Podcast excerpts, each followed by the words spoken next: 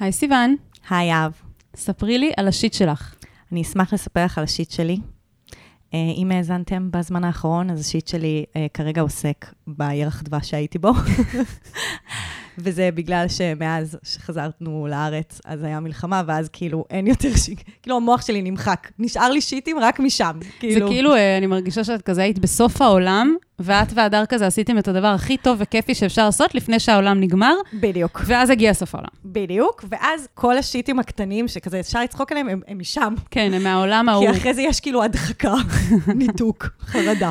וואי, okay. וואי. אז um, אני גם אומרת את ה disclaimer הזה, כי זה הכי כאילו, ש... זה מצחיק פשוט לצחוק על זה עכשיו, אבל כי כזה, הכל קיבל פרופורציות אחרות. Um, אבל ה shit שלי זה shit של טיולים בעולם שלישי. נכון. שבעצם את מטיילת מריזורט לריזורט. אני אוהבת את התמה הזאת, סיוון. כן. את כזה עוברת מכזה מלון לאי קסום, וכזה, הכל כזה, את מגיעה וישר כזה מביאים לך וולקאם דרינק, וכזה. את חיה נורא בגבוה. אבל המעברים בין לבין, שם מזכירים לך מאין באת ולאן תחזרי. כאילו יש איזה רגעים שעל פסגת העולם, את באינפיניטי פול, את כזה... אבל אז את עוברת למקום הבא. מה, ואז בדרך יש כאילו את הדרכים? הדרכים, הדרכים. מצחיק. עכשיו, בבלי את קצת עוברת בין איים. אוקיי. שוב, כן, פריבילגי. אבל, בסדר. אבל כאילו, הדרך לעבור בין איים, זה לעשות הפלגות. נכון, אוקיי. Okay. Okay. קודם כל, הפלגות, אם אתם מאזינים קבועים, אתם יודעים שאני והפלגות לא חברים. נכון, הכית הרבה? כן, כדורים נגד יו. בחילה, שמרדימים, הפעם עושים דברים אחרים, לא משנה. אז גם זה, וגם חנק. כאילו, זה, זה, זה סירות כאלה מהירות, כזה, פסט בוט. עכשיו, באמת כשהן נוסעות, הן פסט, אבל אז הן עוצרות, הן עוגנות לך. ומחכות כזה שעוד אנשים יגיעו, כי הם כזה רוצים להכניס כמה שיותר כסף, אז הם יחכו באיזה אי אחר, שעה. כמו מונית שירות כזה. כן. עכשיו, כאילו, אני לא יודעת אם נסעתם בסירות, אבל כשהן מפליגות, זה הרבה פחות מבחיל מהרגעים שהן עוגנות. נכון. כי אז זה כזה. Mm, אוי, לא. ואז אני חייבת לצאת החוצה. אז את עולה כאילו על היבשה. אני עולה על הסיפון כזה לזה, ואז יש מלא שמש ולא שמתי קרם הגנה. לא, חשבתי כאילו איזה שאני אהיה היום שעה בשמש, ואז אני גם נשרפת של החיים. הם לא, אני לא יכולה לעלות, אני לא יכולה לרדת, הם לא מתקדמים, הם גם אין תיווך, אין כזה, היי, אנחנו עכשיו נעגון כאן לכמה זמן אנחנו נעגון. ועד שכאילו, התחילה, ואנשים, עכשיו, בפנים אה, אין רוח, בפנים אין רוח, חנק, קלסטרופוביה, ו- וכולם שם מזיעים מגעיל כזה וזה, ולאט לאט יוצאים עוד אנשים אליי לסיפון, לפחות אני מרגישה נורמלית כזה, אני לא היחידה שבסבל ממש כזה.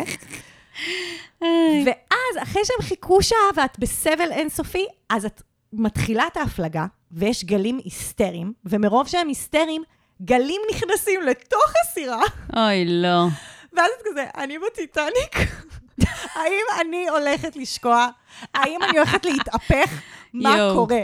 מה קורה, סבבה? ואז את כאילו, את מגיעה לחוף ואת כזה, וואי, מה עברתי? מה עברתי? את מרגישה שעברת מסע. ממש, ממש, ואת כזה, את כזה זה, ואת רוצה לעשות פיפי, והשירותים מגעילים, ואת כזה, מה זה? ואז את תוך, באמת, חמש שניות, מגיעה לריזורט, ואז את כזה, אוקיי, הכל בסדר, שותה את ה-Welcome drink, וזה כאילו, זה באמת פער עצום. זה וואו. פער עצום. כמה את מרגישה נמלולית קטנה בדרכים, וכמה את פתאום כזה... וזה זה דיסוננס קוגנטיבי לאורך ה... במעברים. יואו, יואו, יואו. אני אעשה לך רייז, אוקיי? אוקיי. אמפתיה וזה, כן, זה נשמע מחריד, אבל אני אעשה אחרי זה, כי בסירה מדהב לאבו גלום, בסיני, בעצם זה ילדים. חוויה דומה, רק שזה ילד בן שמונה, ואת אומרת לעצמך, אין לי אמון בילד בן שמונה שידאג שאני לא אטבע עכשיו, ואת נוסעת נורא מהר, והגלים נכנסים, ויש מים, ואת כזה... איך הוא יתפעל את זה? הילד הזה. נכון, ילד בן שמונה, ואת אומרת לעצמך, זהו, I'm doomed. ככה אני הולכת למות, כי ילד בן שמונה לקח את הסירה, ואז את מנסה להזכיר לעצמך שהוא עושה את זה כבר שמונה שנים כל יום. כי כל חייו... זה היום שהוא נולד. פחות, בדיוק. ואז את אומרת, היום זה לא יהיה היום שבו הסירה הזאת תתהפך והוא וכל האנשים נכון, ימותו. לא. היום זה לא יקרה, זה יקרה ביום אחר. זה יקרה ביום אחר, זה יקרה ביום אחר. מישהו אחר ימות. וגם, זה, מה שאת אומרת בספירות בבלי, כאילו, את אומרת, אוקיי, כאילו, הסירה לא תתהפך, הם רגילים, הם מתורגלים, הכל יהיה בסדר. נכון. אני יודעת, אני יודעת שזה ממש כאילו, אין, אין דרך לתאר. אני מודעת, מודעות עצמית. אבל בסדר, זה, זה פינת השיט הקטן. תודה ששיתפת. בשמחה. עכשיו אני אספר לכם לאן הגעתם. כן. לא לבלי, לא לסירה, גם לא לסיני. לא. אתם פה בשיט של אחרים, עצות לחיים עצמם. אני יהב ארז ואיתי סיוון לוטן, ואתם כותבים לנו באנונימיות על הבעיות שלכם, בעיות אמיתיות. כל מיני סוגיות בחיי ה... בחייכם, mm-hmm. ואנחנו מנסות uh, לעזור ולתת עצה ולתת אמפתיה, וככה ביחד משבוע לשבוע uh, חיות את החיים עצמם. יאללה. יאללה, נתחיל? נתחיל. אני ממש צריך עצה. אני ממש צריכה עצה. מה אני יכול לעשות במצב כזה?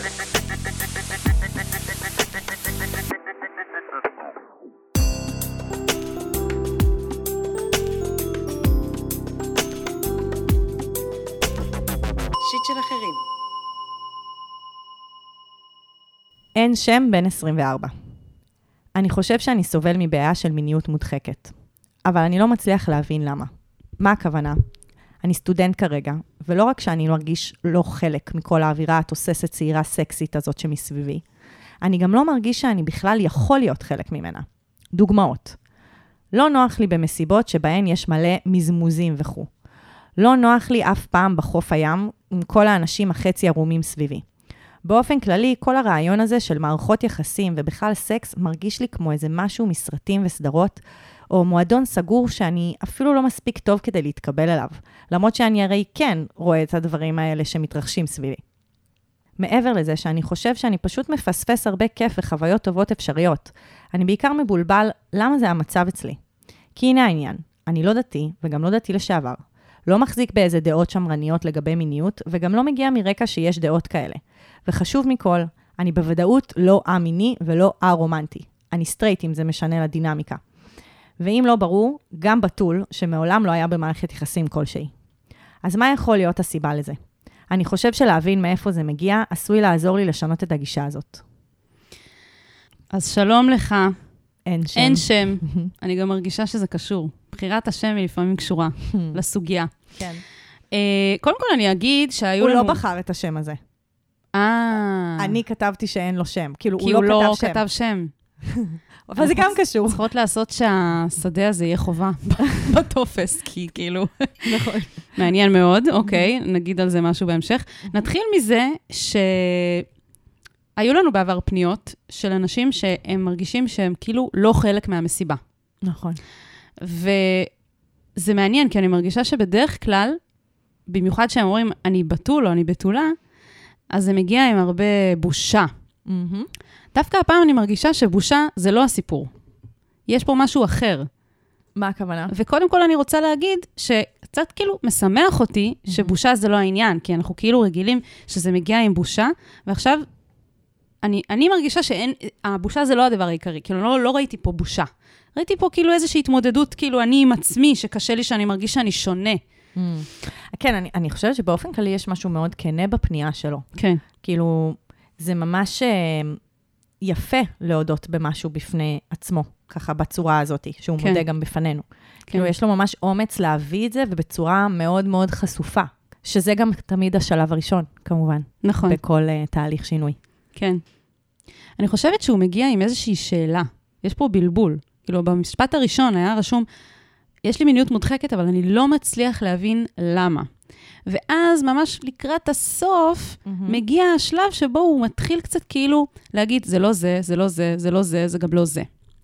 אבל זה מעניין, כי כאילו בסוף כל הדברים, אני לא זה, אני לא זה, אבל בסוף הוא אומר, וגם אם לא ברור, סליחה, אבל זה לא היה ברור, גם בתול שמעולם לא היה במערכת יחסים כלשהו. ואני אומרת, זה דווקא נראה לי די טבעי, mm-hmm. שאם אף פעם לא היית במערכת יחסים אה, זוגית או מינית, mm-hmm. שאתה תרגיש כאילו אתה מורחק מהדברים האלה, כאילו mm-hmm. אתה לא חלק מזה, כי אתה רואה שכולם מסביבך נמצאים בדבר הזה ואתה לא, אז יש פה סוג של, לי, לי זה קצת מסביר את זה. לא נראה לי שזה מסביר את הכל, אבל אני מרגישה שזה קצת הסביר לי, וזה גם הפתיע אותי שזה רק בא בסוף. זה בדרך כלל מגיע בסוף, הדברים האלה.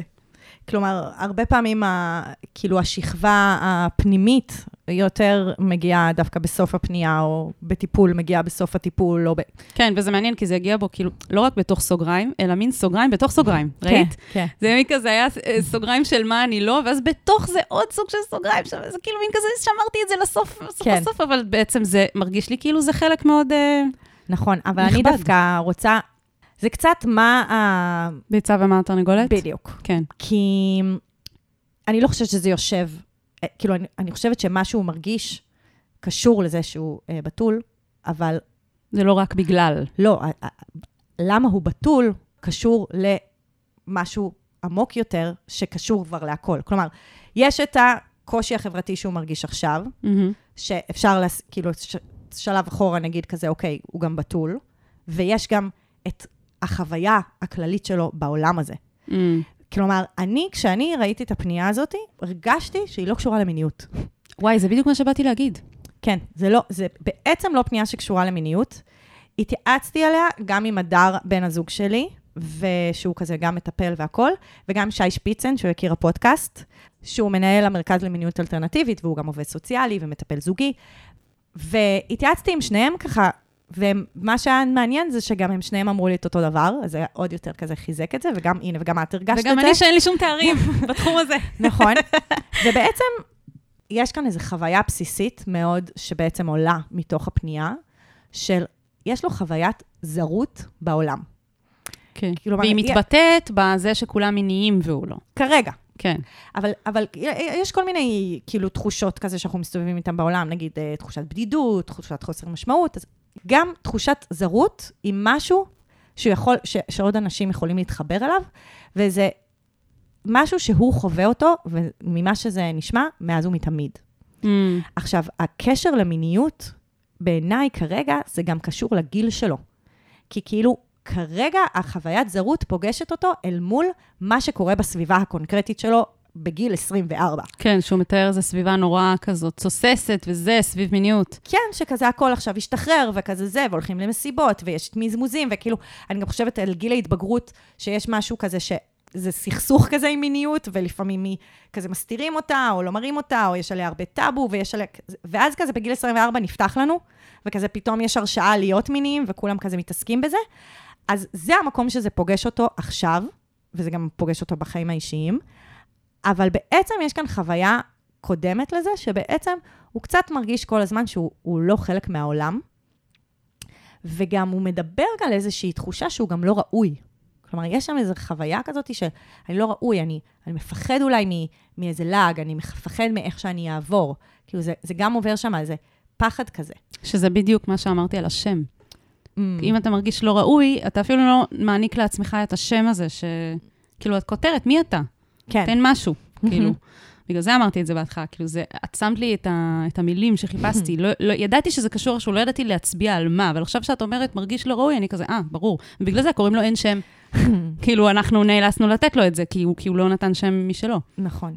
ואנחנו, חשוב להגיד, כאילו, אנחנו תמיד, תמיד אנחנו עונות פה בערבון מוגבל, כי אנחנו מסתמכות רק על כזה פסקה שאתם כותבים לנו, אבל ממש חשוב לי להגיד שגם פה, אני לא רוצה כזה, להגיד כזה טייטלים, כן, להלביש דברים. להלביש דברים, כאילו, אני, אני אגיד כל מיני דברים שעולים מתוך מה שכתבת, אבל כמובן שיכול להיות שזה לא בדיוק קולע, ו- נכון. ואני רוצה כזה לסת, לשים את ה disclaimer הזה, וגם, כמובן שאני מזמינה אותך ללכת ולברר את זה בטיפול. אני אומרת את זה כאן בפתח עכשיו, כדי שכאילו, חלילה לא תרגיש שאני מלבישה עליך משהו וזה כזה לא מותאם, ו- ויש לזה מקום כן. לברר את זה בתוך מרחב בטוח, שאתה יכול להביא את עצמך. כן, אני ממש הרגשתי שהוא בעצמו שואל את עצמו שאלות על כאילו מה קורה בי, בתוכי. אני לא עד הסוף מבין. מבין. לא ברור לי, ובדיוק בגלל זה, אני מרגישה שאנחנו, אנחנו לא הולכות להגיד מה זה קורה. מה שקורה. כמו שאמרת, אנחנו, אין לנו את היכולת הזאת, אנחנו פה עובדות עם כאילו מעט מאוד, בעצם כמה מילים.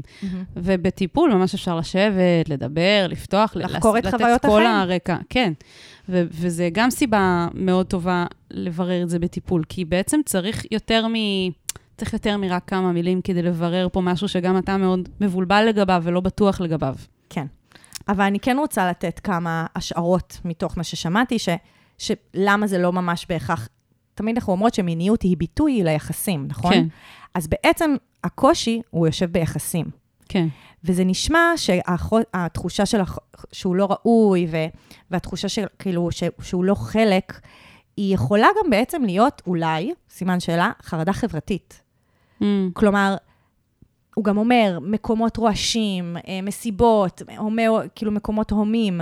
אה, יכול להיות גם אפילו ברמה כאילו הנוירולוגית כזה, שיש לך איזה קושי כזה במקומות כאלה, ואז אתה מגיב לזה, ו- ואז זה גם מכבה אותך, או לא מאפשר לך. ואת אומרת שבגלל שהסביבה היא נורא באווירה מינית, אז כאילו זה מולבש כביכול על המיניות שבזה, אבל זה לא המיניות שבזה כמו שזה החברתיות שבזה. וגם. וגם אני אגיד, הרבה מהפניות שלנו, גם על בתולין, הרבה פעמים זה ישב על נכון. איזשהו אה, קושי חברתי. חברתי, כן. כלומר, על איך אני מתקשרת את עצמי, איך אני שמה את עצמי שם, איך אני אני לא נתפסת. חוששת. כן, כן. איך אני לא חוששת מאיך שאני אתפס. כן. ו- ויש לזה המון, כאילו, זה, מיניות היא תמיד ביטוי, והוא בקצה. כן. אבל אתה מתאר חוויית זרות שיושבת כבר הרבה זמן. ו- ומה שאפשר לעשות בטיפול זה לחקור את חוויית הזרות הזאת, אבל בחמלה ובאמפתיה. כי כשאתה מבין מה עיצב אותך, אז אתה יכול גם להיות הרבה יותר אמפתי למקומות האלה, ולא כזה להיות בהלקאה על למה אני לא ככה ולמה אני לא ככה, כי אתה מבין כן. את עצמך טוב יותר. כן, וגם כשאתה מביא את עצמך החוצה, אני כאילו מאוד הרגשתי שיש פה כאילו ביטול של מי אני אל מול הסביבה שלי. הסביבה שלי היא מאוד 1, 2, 3, כאילו יש, הוא מאוד תיאר איך הסביבה שלו נראית, אבל אני לא הבנתי כל כך מי הבן אדם. ברור שאני לא אכיר בן אדם דרך אה, פסקה אחת וזה, אבל מרגישה שכאילו אני לא יודעת מי אתה, מה כן יש לך להביא, מה, איך אתה מרגיש ש, שמי הוא הבן אדם הזה, מה יש לו להביא אל העולם, וזה בדיוק קשור למה שאת אומרת, mm-hmm. כאילו, הביטול של העצמי לעומת כאילו הסביבה שהיא נורא, יש לה הרבה אופי, כאילו. Mm. עכשיו, אני בטוחה שגם לך יש אופי, אבל אני לא, אני לא יודעת מהו, כאילו, ויכול להיות שזה גם הדינמיקה בינך לבין הסביבה שלך ביום-יום, mm-hmm. שכאילו אנשים אולי, אתה מרגיש שאולי לא רואים אותך, לא רואים מי אתה, ואתה רואה מי הם. נכון. אתה רואה שהם כאלה, ואתה לא. אבל השאלה שלי היא, לא מה אתה לא ביחס אליהם, אלא מה אתה כן. מי אתה בעיני עצמך, וגם בפני עצמך. כאילו, אתה עומד על שתי רגליים בפני עצמך, לא משנה מי הסביבה. יש את מי שאתה, גם לא ביחס אל.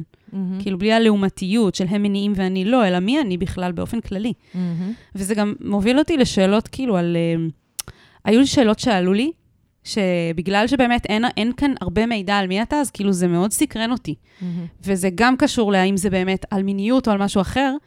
אני חושבת שיש אנשים שמרגישים שאינטימיות שהם מחפשים, מהמם. הקשר שהם מחפשים עם עוד בן אדם הוא יותר רגשי מאשר מיני. מהמם. ובמיוחד בגיל הזה, אתה רואה סביבך שהרבה אנשים הם לא ככה. הרבה אנשים מחפשים את המיניות, אולי אפילו בלי הרגש. מהמם. ואז אתה מרגיש נורא הפוך מזה, אולי, אני לא יודעת. כן. ואני תוהה אם אתה כזה באמת, אני תוהה אם כן יש לך למשל רגשות כלפי נשים סביבך שלא קשורות למיניות. זהו. זאת שאלה שבא לי כאילו שאתה תשאל את עצמך, מהמם. יש, מת- אני, אני שואלת את עצמי, כאילו מדמיינת אותך מסתובב נגיד באוניברסיטה, אולי יש מישהי שאתה מרגיש כלפיה איזושהי קרבה שאתה רוצה להתקרב אליה יותר, אבל אתה מרגיש שבגלל שאין לך איזה רצון למגע מיני איתה בהכרח, או לא, לא עכשיו, כאילו יש איזו תחושה שאני שונה משהו בי לא בסדר, כי אני רגיל לשמוע סביבי שכל הגברים, כשהם מסתכלים ככה על מישהי, הם רוצים Mm. ממנה משהו מיני ואני לא, אז אולי משהו בי לא בסדר. ואני אומרת, אם זה המצב, אני לא יודעת, אני כאילו בהשערות, ובאמת, זה שאלות, זה לא, כן. כן. זה לא תשובות, אז בא לי להגיד, כאילו, זה בסדר, וגם אם אתה רוצה קשר רגשי עם מישהי, ויש לך רגשות כלפיה, והם כרגע לא מיניים, זה גם בסדר, זה גם אינטימיות. זהו, יש הגדרה, כאילו הוא אמר, אני לא א-מיני ולא הרומנטי, ואני רוצה להציע לך הגדרה, דיברנו עליה פעם, על דמי-סקשואל,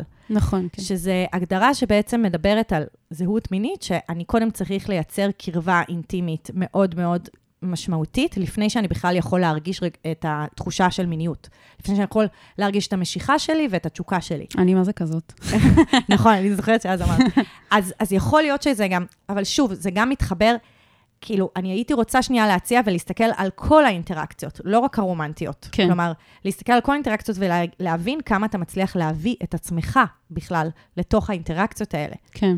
כי, כי שם זה יושב, כזה, זה קודם כל באינטראקציות החברתיות, אחרי זה באינטראקציות הרומנטיות, אחרי זה באינטראקציות המיניות. Mm-hmm. כאילו, זה איזושהי התפתחות כזאת. כן. ו- ואני אני אתן איזה משהו פרקטי שוב. אם החרדה חברתית זה משהו שמדבר אליך, ואתה מרגיש שזה כיוון טוב, אז גם כמובן ללכת לטיפול, אבל גם עמותת רקפת, גם דיברנו עליה כבר בעבר פה. אה, זו עמותה שבעצם אה, נותנת מענה לאנשים עם חרדה חברתית, והם עושים קבוצות. וואו, זה כאילו הכי הפוך על הפוך.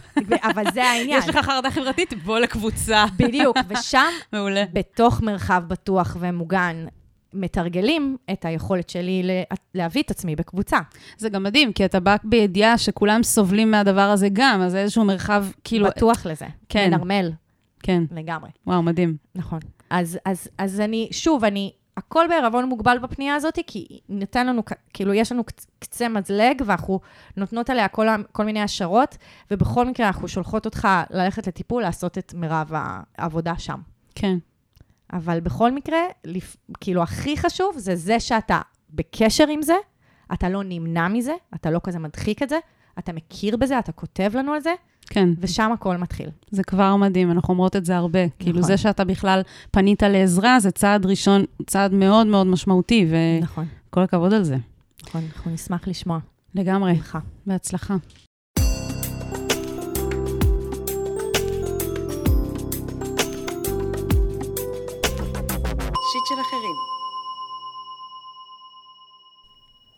הפנייה הבאה היא מפרח, בת 37.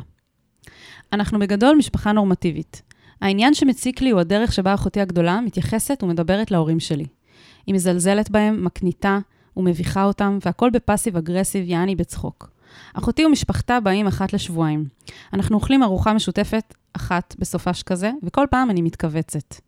כל מה שההורים שלי יגידו או יעשו יהיה בעיניה שגוי או מיושן או מופרך, תמיד בנימה של אוי, בומרים, מה אתם מבינים? וזה כשההורים שלי בנו את עצמם יפה מאוד ומבינים דבר או שניים. אחותי באה לסופ"שים עם בן הזוג והבן המתוק שלהם, והם די מטילים את הנכד על סבתא, ונעלמים לבתי קפה והתאווררות כל הסופ"ש. ככה קורה שבסופ"ש כזה אימא שלי גם על תקן בייביסיטר במשרה מלאה, וגם צריכה לארגן את הארוחות. לאחיין שלי יש צרכים מיוחדים, מה שגורם לי להבין למה אחותי ובן הזוג צריכים התאווררות, אבל בוודאי מורכב לאימא שלי. בחיים לא שמעתי את אחותי אומרת לאימא שלי תודה על זה שהיא עוזרת לה ככה. אלא גם שם, רק ביקורות על זה שהיא מפנקת אותו יותר מדי וגורמת לו לרגרסיה. ההורים שלי אנשים עדינים שעשו דרך ענקית בחיים שלהם והקריבו המון בשבילנו, וגם אחותי יודעת את זה.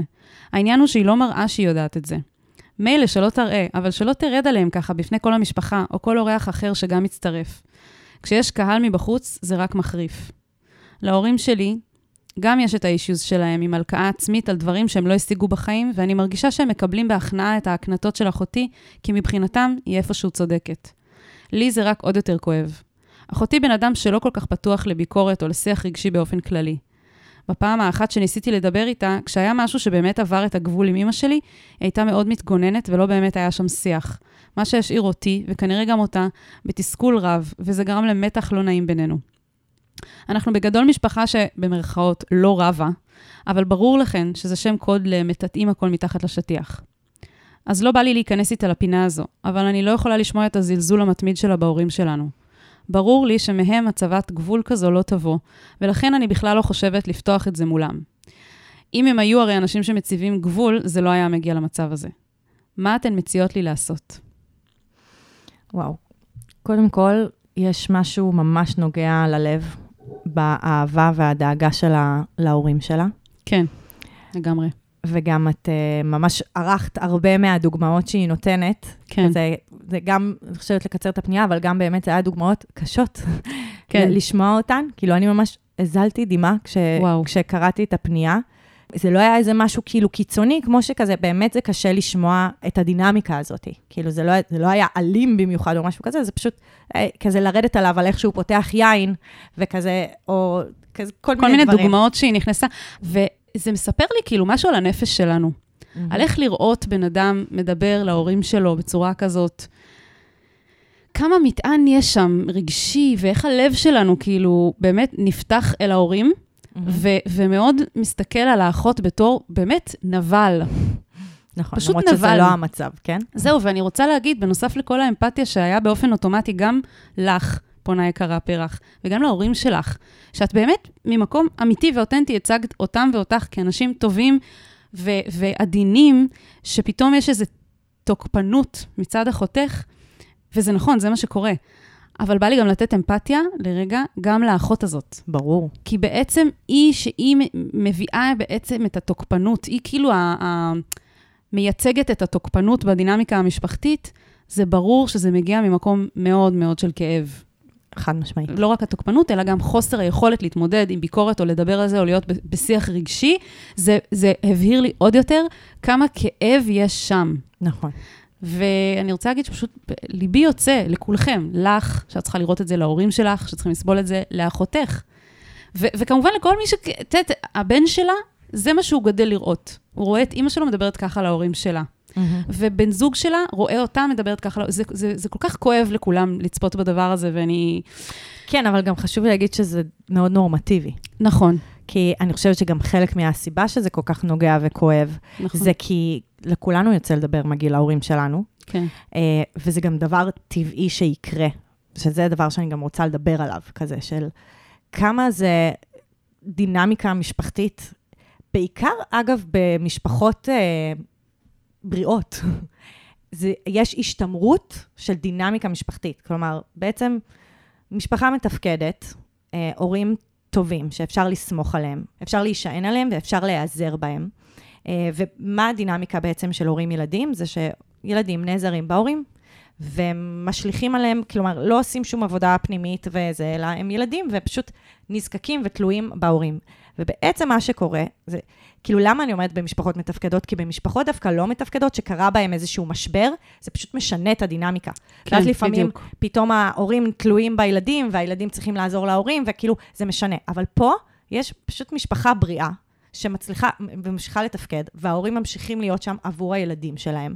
ואז גם הדינמיקה הזאת של ילדים שמשליכים את כל הקשיים שלהם, וכאילו, אפרופו אמפתיה, אז כזה, יש לה ילד עם צרכים מיוחדים. זה הדבר הכי קשה בעולם, זה כזה מכפיל, כאילו גם ככה קשה לגדל ילדים בעת שאנחנו נמצאות בה, וכזה פעם שבט שלם היה מגדל ילד, והיום שני אנשים במקרה הטוב מגדלים אותו, אז כשזה ילד עם צרכים מיוחדים, הוא צריך עוד יותר טיפול ועוד יותר להיות איתו. ובעצם מה שקורה זה שגם ההורים אפשר לסמוך עליהם, כמו שהיא אומרת, כאילו בכל הרמות. אפשר גם כן, לבוא הם תמיד ולהתאוורר. שם, כל שבועיים, כל ת- פעם בדיוק. אותו דבר. ומאפשרים להם גם להתאוורר וכולי. ואז הדינמיקה הזאת היא שהיא יכולה לסמוך עליהם, גם, גם, אגב, גם לשחרר את האגרסיות שלה, שכנראה כל היום היא צריכה להיות נכון. שם בשבילו, ולהיות סובלנית, ולתמוך, ול, ולעזור, ופשוט מול ההורים שלה היא יכולה לשחרר. כאילו, היא יכולה להוציא את זה החוצה בלי פילטרים, בלי לחשוב, בלי זה. כאילו, זה רק מראה כמה המרחב הזה הוא בעצם בטוח עבורה, כן. בהפוך על הפוך. כן, למרות שאני גם, את יודעת, זה עוד לפני שהבן שלה נולד, רואים שהיא הייתה כזאת לפני. היא אומרת, היא אף פעם לא הייתה בן אדם שיכול להיכנס לשיח רגשי וביקורת וזה, ו... א', זה קשור לזה שהיא גם האחות הגדולה. כאילו, לאחות הגדולה יש הרבה פעמים את הקלאש מול ההורים, ואיזושהי עבודה שאני לא יכולתי להתרחק, כי אני לא יכולה להתרחק, כמו שהפרח שכותבת לנו, שיכולה קצת להתרחק ולהסתכל על הדינמיקה מהצד, אז הרבה פעמים, דווקא בגלל שהיא הגדולה, היא עדיין כאילו בתוך המערכת יחסים הזאת, יש לה, היא ספגה גם הרבה יותר שיט מהם, מהילדים האחרים לרוב, כי היא כזה, הרבה פעמים על הילד הראשון שמים את כל המאוויים והציפיות, ועדיין לא יודעים איך להיות הורים, ולא יודעים איך להתנהג, ועושים עליו הרבה טעויות. אז גם שם זה יושב, וזה באמת איזשהו קושי רגשי ל- ל- להתמודד איתו, וגם להיות בפרספקטיבה עליו, שזה מה שפרח מצליחה לעשות, ו- והיא פחות, או עדיין לא. אני מבינה את כל מה שאת אומרת, ועדיין אני מרגישה כאילו שזה לא בסדר באיזשהו מקום. כאילו, אני מאוד מזדהה עם פרח במובן הזה ש... תראי, היא בת 37 ומדובר באחותה הגדולה. אחותה, ככל הנראה, in her 40's, בשנות ה-40 שלה. והיא מדברת כבר לאנשים ש-obviously הם, הם כבר מזדקנים. זה ההגדרה, הם כבר בגיל השלישי. היא מדברת אליהם ככה, ויש משהו כאילו שפשוט נורא קשה לחזות בזה מהצד. גם אם את בתוך הדינמיקה ואת אחותה וזה וזה, ואת יודעת בדיוק באיזה דמויות מדובר. כן, זה מאוד זה- קשה זה בשביל נורא פרח. קשה. ממש, ברור. ואני תוהה איך אפשר מצד אחד לא אה, כאילו להגיד, או, בסדר, טוב, זה, זה המצב, זה קורה, זה, ומצד שני, לא להיות כל הזמן באיזשהו רצון לשנות את זה. להגיד, אני אשנה את זה, אני אעשה משהו כדי שהיא תשתנה והיא תפסיק להתייחס אליהם ככה. כי זה איזושהי פנטזיה שככל הנראה כבר לא תקרה. כאילו, אני מרגישה שיש פה דפוס שהוא קובע כבר לפני הרבה שנים. מהמם. וכמו שאמרת לי, אלא אם כן קורה איזשהו משבר נורא דרמטי, אז הרבה פעמים הקיבעון הזה, כולם נשארים בתפקיד שלהם, כולם נשארים, זה מאוד כאילו בתוך ה-comfort zone, והסיכוי שזה באמת ישתנה מקצה לקצה הוא כמעט אפסי, נכון. כל עוד הדברים הם יציבים. מהמם. והייתי רוצה כאילו לנסות לעזור לפרח להתמודד עם הסיטואציה הזאת, מבלי בהכרח שההתמודדות היא לא תהיה רק כאילו, איך אני משנה את אחותי, אלא איך אני מתמודדת עם הדבר הזה. איך כן. אני מצליחה לעמוד בפני הדבר הזה בלי לקבל אותו רק. כן. אז uh, יש לה עבודה בשלושה מישורים, אפשר להגיד. יש לה עבודה שהיא צריכה לעשות עם עצמה, מהמם, יש לה עבודה שהיא צריכה לעשות עם אחותה, מהמם. ויש לה עבודה שהיא צריכה לעשות עם ההורים שלה. אז בואו נתחיל עם עצמה. אוקיי. קודם כל, כבר היא עושה את זה. היא, היא מסתכלת מהצד, היא מסתכלת באופן ביקורתי על המצב, היא חושבת מה היא יכולה לעשות, ובעיקר מה שהיא צריכה לעשות עכשיו זה להבין מה היא יכולה לשנות ומה היא לא יכולה לשנות. מה בשליטתה ומה לא בשליטתה. ואני חושבת שיש משהו בזה שכשאני מבינה, ואני יודעת, עכשיו אפרופו סביב המלחמה, אז יש הרבה כזה פוסטים של כזה, מה הדברים שהם בשליטתי ומה הדברים שהם לא בשליטתי. וזה, יש משהו בלהבין מה לא בשליטתי, שאני גם יכולה לשחרר אותו, וזה גם יכול גם טיפה לעזור לי להרגיש קצת יותר בסדר. כי לפעמים כזה, כשאני מבינה שאין מה לעשות, אז אני גם פחות כועסת על עצמי שאני לא מצליחה לעשות משהו אחר. כן, בדיוק. הדבר השני זה עבודה עם אחותה. עכשיו, אני לא הייתי, כאילו, אוקיי, בסדר, קשה לה לקבל ביקורת, להרבה מאוד אנשים קשה לקבל ביקורת. בטח זה מאחותה הקטנה. לחלוטין. אה, ועדיין לא, לא, לא הייתי מתייאשת מזה, וכזה לא שמה על זה איזו אמירה כזה של, טוב, היא, היא לא כיוון. היא כיוון. אה, צריך לנסות לייצר שיח וגבולות אמפתיים. ובעצם, מה שקורה זה שהאחות הגיבה בהתגוננות על זה שהיא דיברה איתה על ההתנהגות שלה. כן. והדרך לליבה של אחותה זה בעצם לדבר על הפגיעות של ההורים. כלומר, לדבר איתה, א', על זה שבעצם יחסי הכוח משתנים, כשהם, אה, אנחנו דיברנו על זה אין, סוף, אין סוף פעמים כאלו בפודקאסט, כי יש לנו גם הרבה פניות שקשורות לדינמיקות משפחתיות. אז בעצם באיזשהו גיל, יחסי הכוח של הורים חזקים, ילדים אה, חלשים, משתנה, וזה הופך להיות הפוך. כלומר, זה הופך להיות שהילדים הם חזקים וההורים הם נשענים ונעזרים. וזה נורא קשה לראות את זה קורה, את נכון. התהליך הזה. נכון, מתהפך. אבל הוא טבעי והוא נורמלי והוא חלק ממעגל החיים. כן.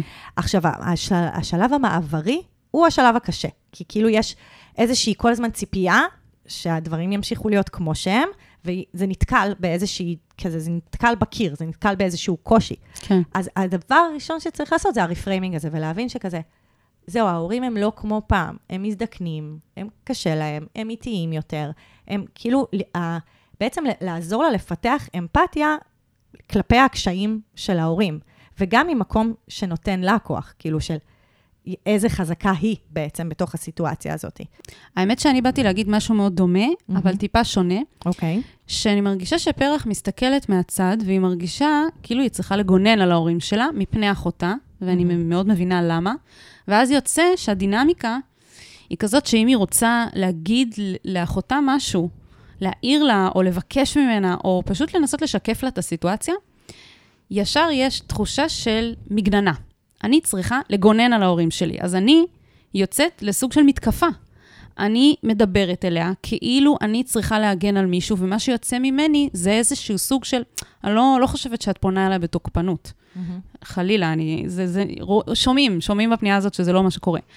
אבל את עם עצמך מבפנים, כשאת כאילו רוצה אה, להעלות את הנושא הזה איתה, ואני, כמו שאת אמרת, אני כן ממליצה לא לוותר עליה, מהמם.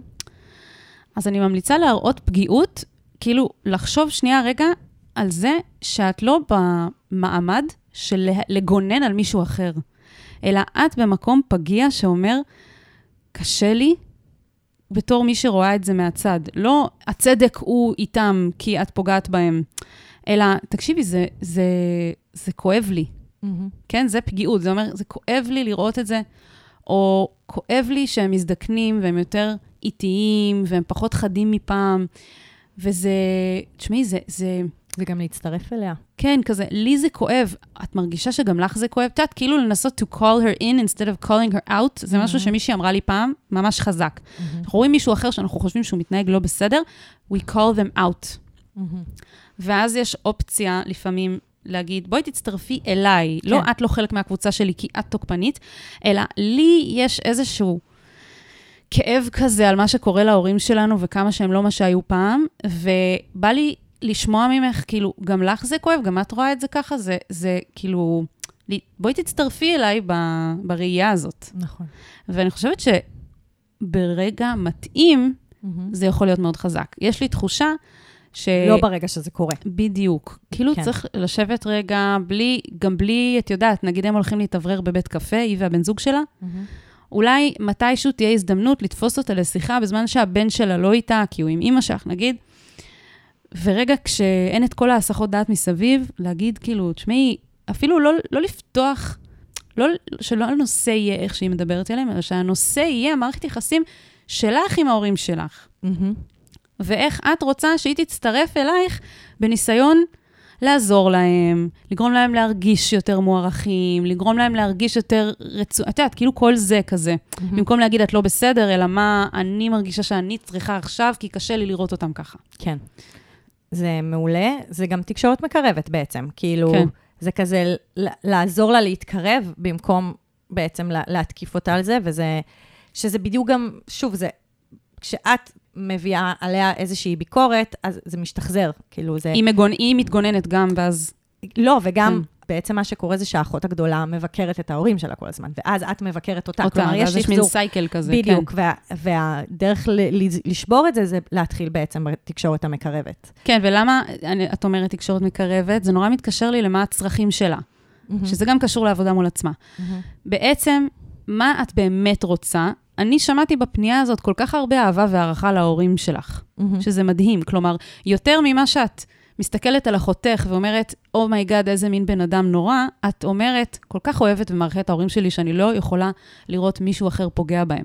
ואז בעצם כשמוציאים את זה לאור, Mm-hmm. הצורך שלי הוא שההורים שלי ירגישו נאהבים, ירגישו מוערכים, כי אני כל כך מעריכה אותם, פתאום זה נתפס אחרת. כן, אבל גם, שוב, אנחנו רוצות להיות גם באמפתיה לזה שאולי האחות הגדולה לא מרגישה ככה, או לא נכון, בקשר נכון, עם החלקים האלה. נכון. זה לא כזה, היי, אני רוצה להגן על ההורים כי אני לא רוצה שהם ייפגעו, כי אני רוצה שהם ירגישו מוערכים. זה כזה, גם לעזור לאחות לראות את הפגיעות שלהם. כן. גם אם היא לא מעריכה אותם, זה בסדר, אבל גם לראות את החולשה שלהם, כדי שהיא תוכל בעצם לשים לב לכוח שלה מולם. כן. ששוב, דינמיקה של משפחה קלאסית, היא לא תראה את זה, כי היא כן. באמת בדינמיקה כזה של הם ההורים שלה והיא סומכת עליהם. שהם יספגו הכל, שהם יהיו שם, שהם כזה, כמו ילד, באמת, היא ממש מגיעה הביתה והיא מתנהגת כמו ילדה. כן. ו- וזה בסדר, עד שזה לא בסדר, כאילו באיזשהו מקום את בעצם מבקשת ממנה, בואי כזה, תתבגרי. כן, וגם אה, אנשים תמיד מבקשים מאיתנו תסריט, והיא לא עשתה את זה הפעם, mm-hmm. אבל אני דווקא הייתי באמת ממליצה, תכתבי לך אפילו מכתב.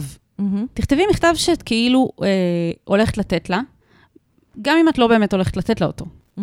יש איזשהו תרגיל מחשבתי מאוד חזק בלכתוב מכתב, אפילו קצת כאילו פיזי, מוחשי, כן, על כן, נייר. כן, לנסח ש... לעצמך. לנסח כאילו את הולכת לדבר, כאילו המכתב הזה הולך להגיע אליה, בידיעה שהוא לא יגיע אליה. Mm-hmm. ואז, אחרי שאת קוראת אותו, אז את הולכת ויושבת ומנהלת את השיחה הזאת. כן. כאילו זה למשאב את עצמך באיזה מין ביטחון כזה, אל מול מישהי שהיא תוקפנית, שזה מפחיד. אני יכולה להבין למה זה מפחיד. נכון, וגם חלק מה... יש לך שיפוטיות כלפיה, ויש לך תוקפנות כלפיה, ויש לך זה, ואת יכולה לכתוב במכתב ולהוציא ולשחרר את זה, ואז לבוא אליה עם האמפתיה. כי זה גם... כי אג... היא גם צריכה אמפתיה. כן, והיא בדיוק. גם צריכה שיראו שהיא פגיעה, כי אם רק יתקפו אותה על איך שהיא תוקפת, אז היא לא תוכל להראות פגיעות, והיא תמיד תישאר במגננה. נכון. וזה. מה שכאילו מחזיר אותי לתחילת הפנייה, שהצלחנו לראות גם את הכאב של האחות הזאת. ואני חושבת שבשיחה איתה, שאולי תקרה מתישהו אמן, שתרגישי שאת מוכנה לזה, שתרגישי שאת גם מוכנה לתת לה אמפתיה בשיחה הזאת ולראות את הכאב שלה. אל מול ההורים שלך ואל מול העולם ואל מול whatever, הופך אותה להיות כל כך תוקפנית. כי יש משהו שם. כי הרי כשמישהו תוקפן, זה תוקפנות מול העולם. כואב לה משהו, משהו כואב לה, בגלל זה זה יוצא כתוקפנות, כאילו. זה כתוב לנו על הדף. כן, אבל זה, זה אולי גם לא רק זה, הוא, הוא, מי יודע, כאילו, זה יכול להיות כל מיני דברים שאולי אפילו היא לא משתפת איתך, כי היא לא מרגישה בנוח לשתף איתך, והיא שמה סביבה כל מיני חומות ושריונים וכאלה, אני לא יודעת באמת מה קורה שם, אבל אני רואה שיש שם כאב, אולי לא רק שקשור לזה שיש לה ילד עם צרכים מיוחדים. אוקיי, אבל זה מאוד נכון להתחבר לכאב הזה, כשאת כן, מתחילה. כן. Uh, ואני מגיעה למישור השלישי, נכון? דיברנו על עבודה עם עצמה, עבודה עם אחותה ועבודה עם ההורים. כן. Um, שאפשר להגיד שזה גם הערוץ המיידי שגם הכי קל ללכת אליו. והעבודה עם ההורים היא בעיקר לפתוח שיחה איתם על מה שהיא מרגישה ביחס לזה. ובעצם להצטרף אליהם. ולהשתתף איתם. לא ממקום שהם צריכים לכעוס על הבת שלהם כזה ולעשות להם אה, נו נו נו, כן. כי זה דינמיקה, כי הם עכשיו שינו דינמיקה. פעם הם היו בדינמיקה כזאת של הורים שנוזפים בילדה, היום הם כבר לא בדינמיקה כזאת, הם בדינמיקה של אנשים מבוגרים. אבל היא יכולה להגיד להם, אפרופו תסריט, היא יכולה להגיד להם, אתם יודעים, נורא קשה לי עם האופן שבו אחותי מתייחסת אליכם, עם המגרעות שלכם, כמו, כאילו, גם עם כל המגרעות שלכם, אתם הורים מדהימים. ממש כזה לתת להם גם את המקום שאני איתכם. Mm-hmm. כזה, ואני רואה, ואני אז גם אזכיר כמה יפים אתם, וכמה אני מעריכה אתכם, וכמה עשיתם, כזה. זה גם קצת שהם ירגישו לא לבד. כן. וגם אולי אפילו לחשוב יחד איתם, כזה, איך הם מתמודדים, מה הם עושים, מה הם... כאילו להיות שם בשבילהם במקום הזה, ואז את גם לא תרגישי כל כך כזה חסרת אונים אל מול הרגעים האלה. כן. אז הם ידעו שאת איתם, ולא כאילו כדי לעשות עליה אה, חרם, אלא כדי לדעת שכזה, את רואה את זה ואת יכולה גם להביא את הפגיעות שלה בתוך השיחה הזאת, כמו שבשיחה עם אחותה את מביאה את הפגיעות שלהם. כן, אני גם חושבת שבעצם את זכית למשהו שאחותך לא. Mm-hmm. ואני לא יודעת למה, זה גם לא כזה משנה, אבל זה שאת מסוגלת לנהל שיח רגשי. ו- ולשקף ולקבל ביקורת, והיא לא, זה אומר שיש לך משהו שכרגע לה אין, יש לך איזשהו משאב רגשי. ואני הייתי לוקחת את זה בתור הייתי עושה reframing, את יכולה לתת את זה, להעניק את זה כמתנה, נקרא לזה, לדינמיקה בינך לבין ההורים שלך, mm-hmm. ולתת להם את התמיכה ואת החיבוק שהם לא מקבלים ממנה, ואז תסתכלי כמה את יכולה לתת להם. את יכולה לתת להם הערכה ולספר להם כמה את גאה בהם בתור הבת שלהם, ולנהל שיח רגשי איתם, שכנראה היא לא מצליחה לנהל, לא איתם ולא איתך. וזו מתנה ממש גדולה נכון. למישהו שעובר דבר כזה, מישהו שכל פעם שהבת שלו מגיעה הביתה, היא, היא מתנהגת בצורה כאילו כל כך uh, קשה ולא נעימה, mm-hmm. ומעליבה, אז את נותנת קונטרה. Mm-hmm. ואיזה מדהים זה שיש לך את זה לתת להם. נכון, שזה גם כזה כוח מאוד גדול שיש לך בתוך המקום הזה, כן. שגם יכול לנחם אותך. כן. ובעצם הפואנטה זה שמשפחה צריכה לזוז מהתפקידים המסורתיים שלה, ואת תעזרי להם לזוז. את חושבת אבל שזה חייב לזוז בשביל שמשהו ישתנה? אני מרגישה שאולי זה לא בהכרח חייב לזוז, כי כדי לזוז זה כמו לוחות טקטונים. Mm-hmm. כדי שזה יזוז, כאילו צריך לקרות משהו מאוד דרמטי, וכרגע אה, זה? לא... למה? לא, זה לא חייב להיות דרמטי. לא חושבת? לא, כי התהליך הטבעי של משפחה זה שמשתנים יחסי הכוח, והם משתנים. את אומרת, זה שהם מזדקנים זה כבר השינוי, זה כבר כן. התזוזה הטקטונית הזאת. בדיוק, ובעצם יש משהו באחותה שהיא צריכה להכיר בזה. Mm-hmm. וברגע שהיא תכיר בזה, כבר השינוי יתחיל לקרות, כי היא בעצם תתחיל לראות בהם פגיעים, והיא תוכל לעזור להם. Mm-hmm. כאילו, היא תוכל להיות שם בשבילם. אבל כרגע היא עדיין לא שם, היא עדיין בתפיסה המסורתית, השמרנית, כאילו, של איך המשפחה שלהם נראית, וזה, שוב, וגם מאמפתיה, היא, היא צריכה את המקום הזה. היא כל כך בוגרת ו- ומתפקדת בתוך המשפחה שלה, והיא צריכה איזה מקום להיות בו הילדה.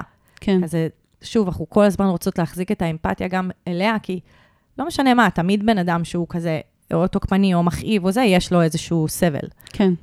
אמ, אז פרח, איזה פנייה מדהימה, אני בטוחה שהמון אנשים יתחברו אליה. לגמרי. וימצאו את עצמם גם בתוך זה, כמו שאנחנו מצאנו. ואנחנו נשמח לשמוע ממך. כן, תכתבי לנו, שיט שאחרי הסערה. תספרו לנו מה היה בסוף, אנחנו אוהבות. נכון. טוב, אז סיוון, ספרי לנו מה צריך לעשות כדי לפנות אלינו ולקבל עצה. אז ממש כאן, בתיאור הפרק, תוכלו למצוא טופס לפניות אנונימיות. חוץ מזה, הוא נמצא גם בפוסט נעוץ בקבוצת הפייסבוק שלנו, שיט של אחרים, עצות לחיים עצמם. אם אתם רוצים לעשות איתנו כיף ולשלוח לנו בהודעה קולית את השיט הקטן והמעצבן שלכם, אתם מוזמנים לשלוח לנו הודעה קולית באינסטגרם, אה, שגם שם אתם מוזמנים לבוא ולעקוב, שם אנחנו עושות קצת יותר צחוקים. וחוץ מזה, לא משנה באיזה פלטפורמה אתם מאזינים, תסמנו אותנו חמישה כוכבים, כדי שהפרק הזה יגיע לעוד אנשים. אמן. אז אה, נשתמע. יאללה, ביי. ביי. אני ממש צריך עצה. אני ממש צריכה עצה. מה אני יכול לעשות במצב כזה?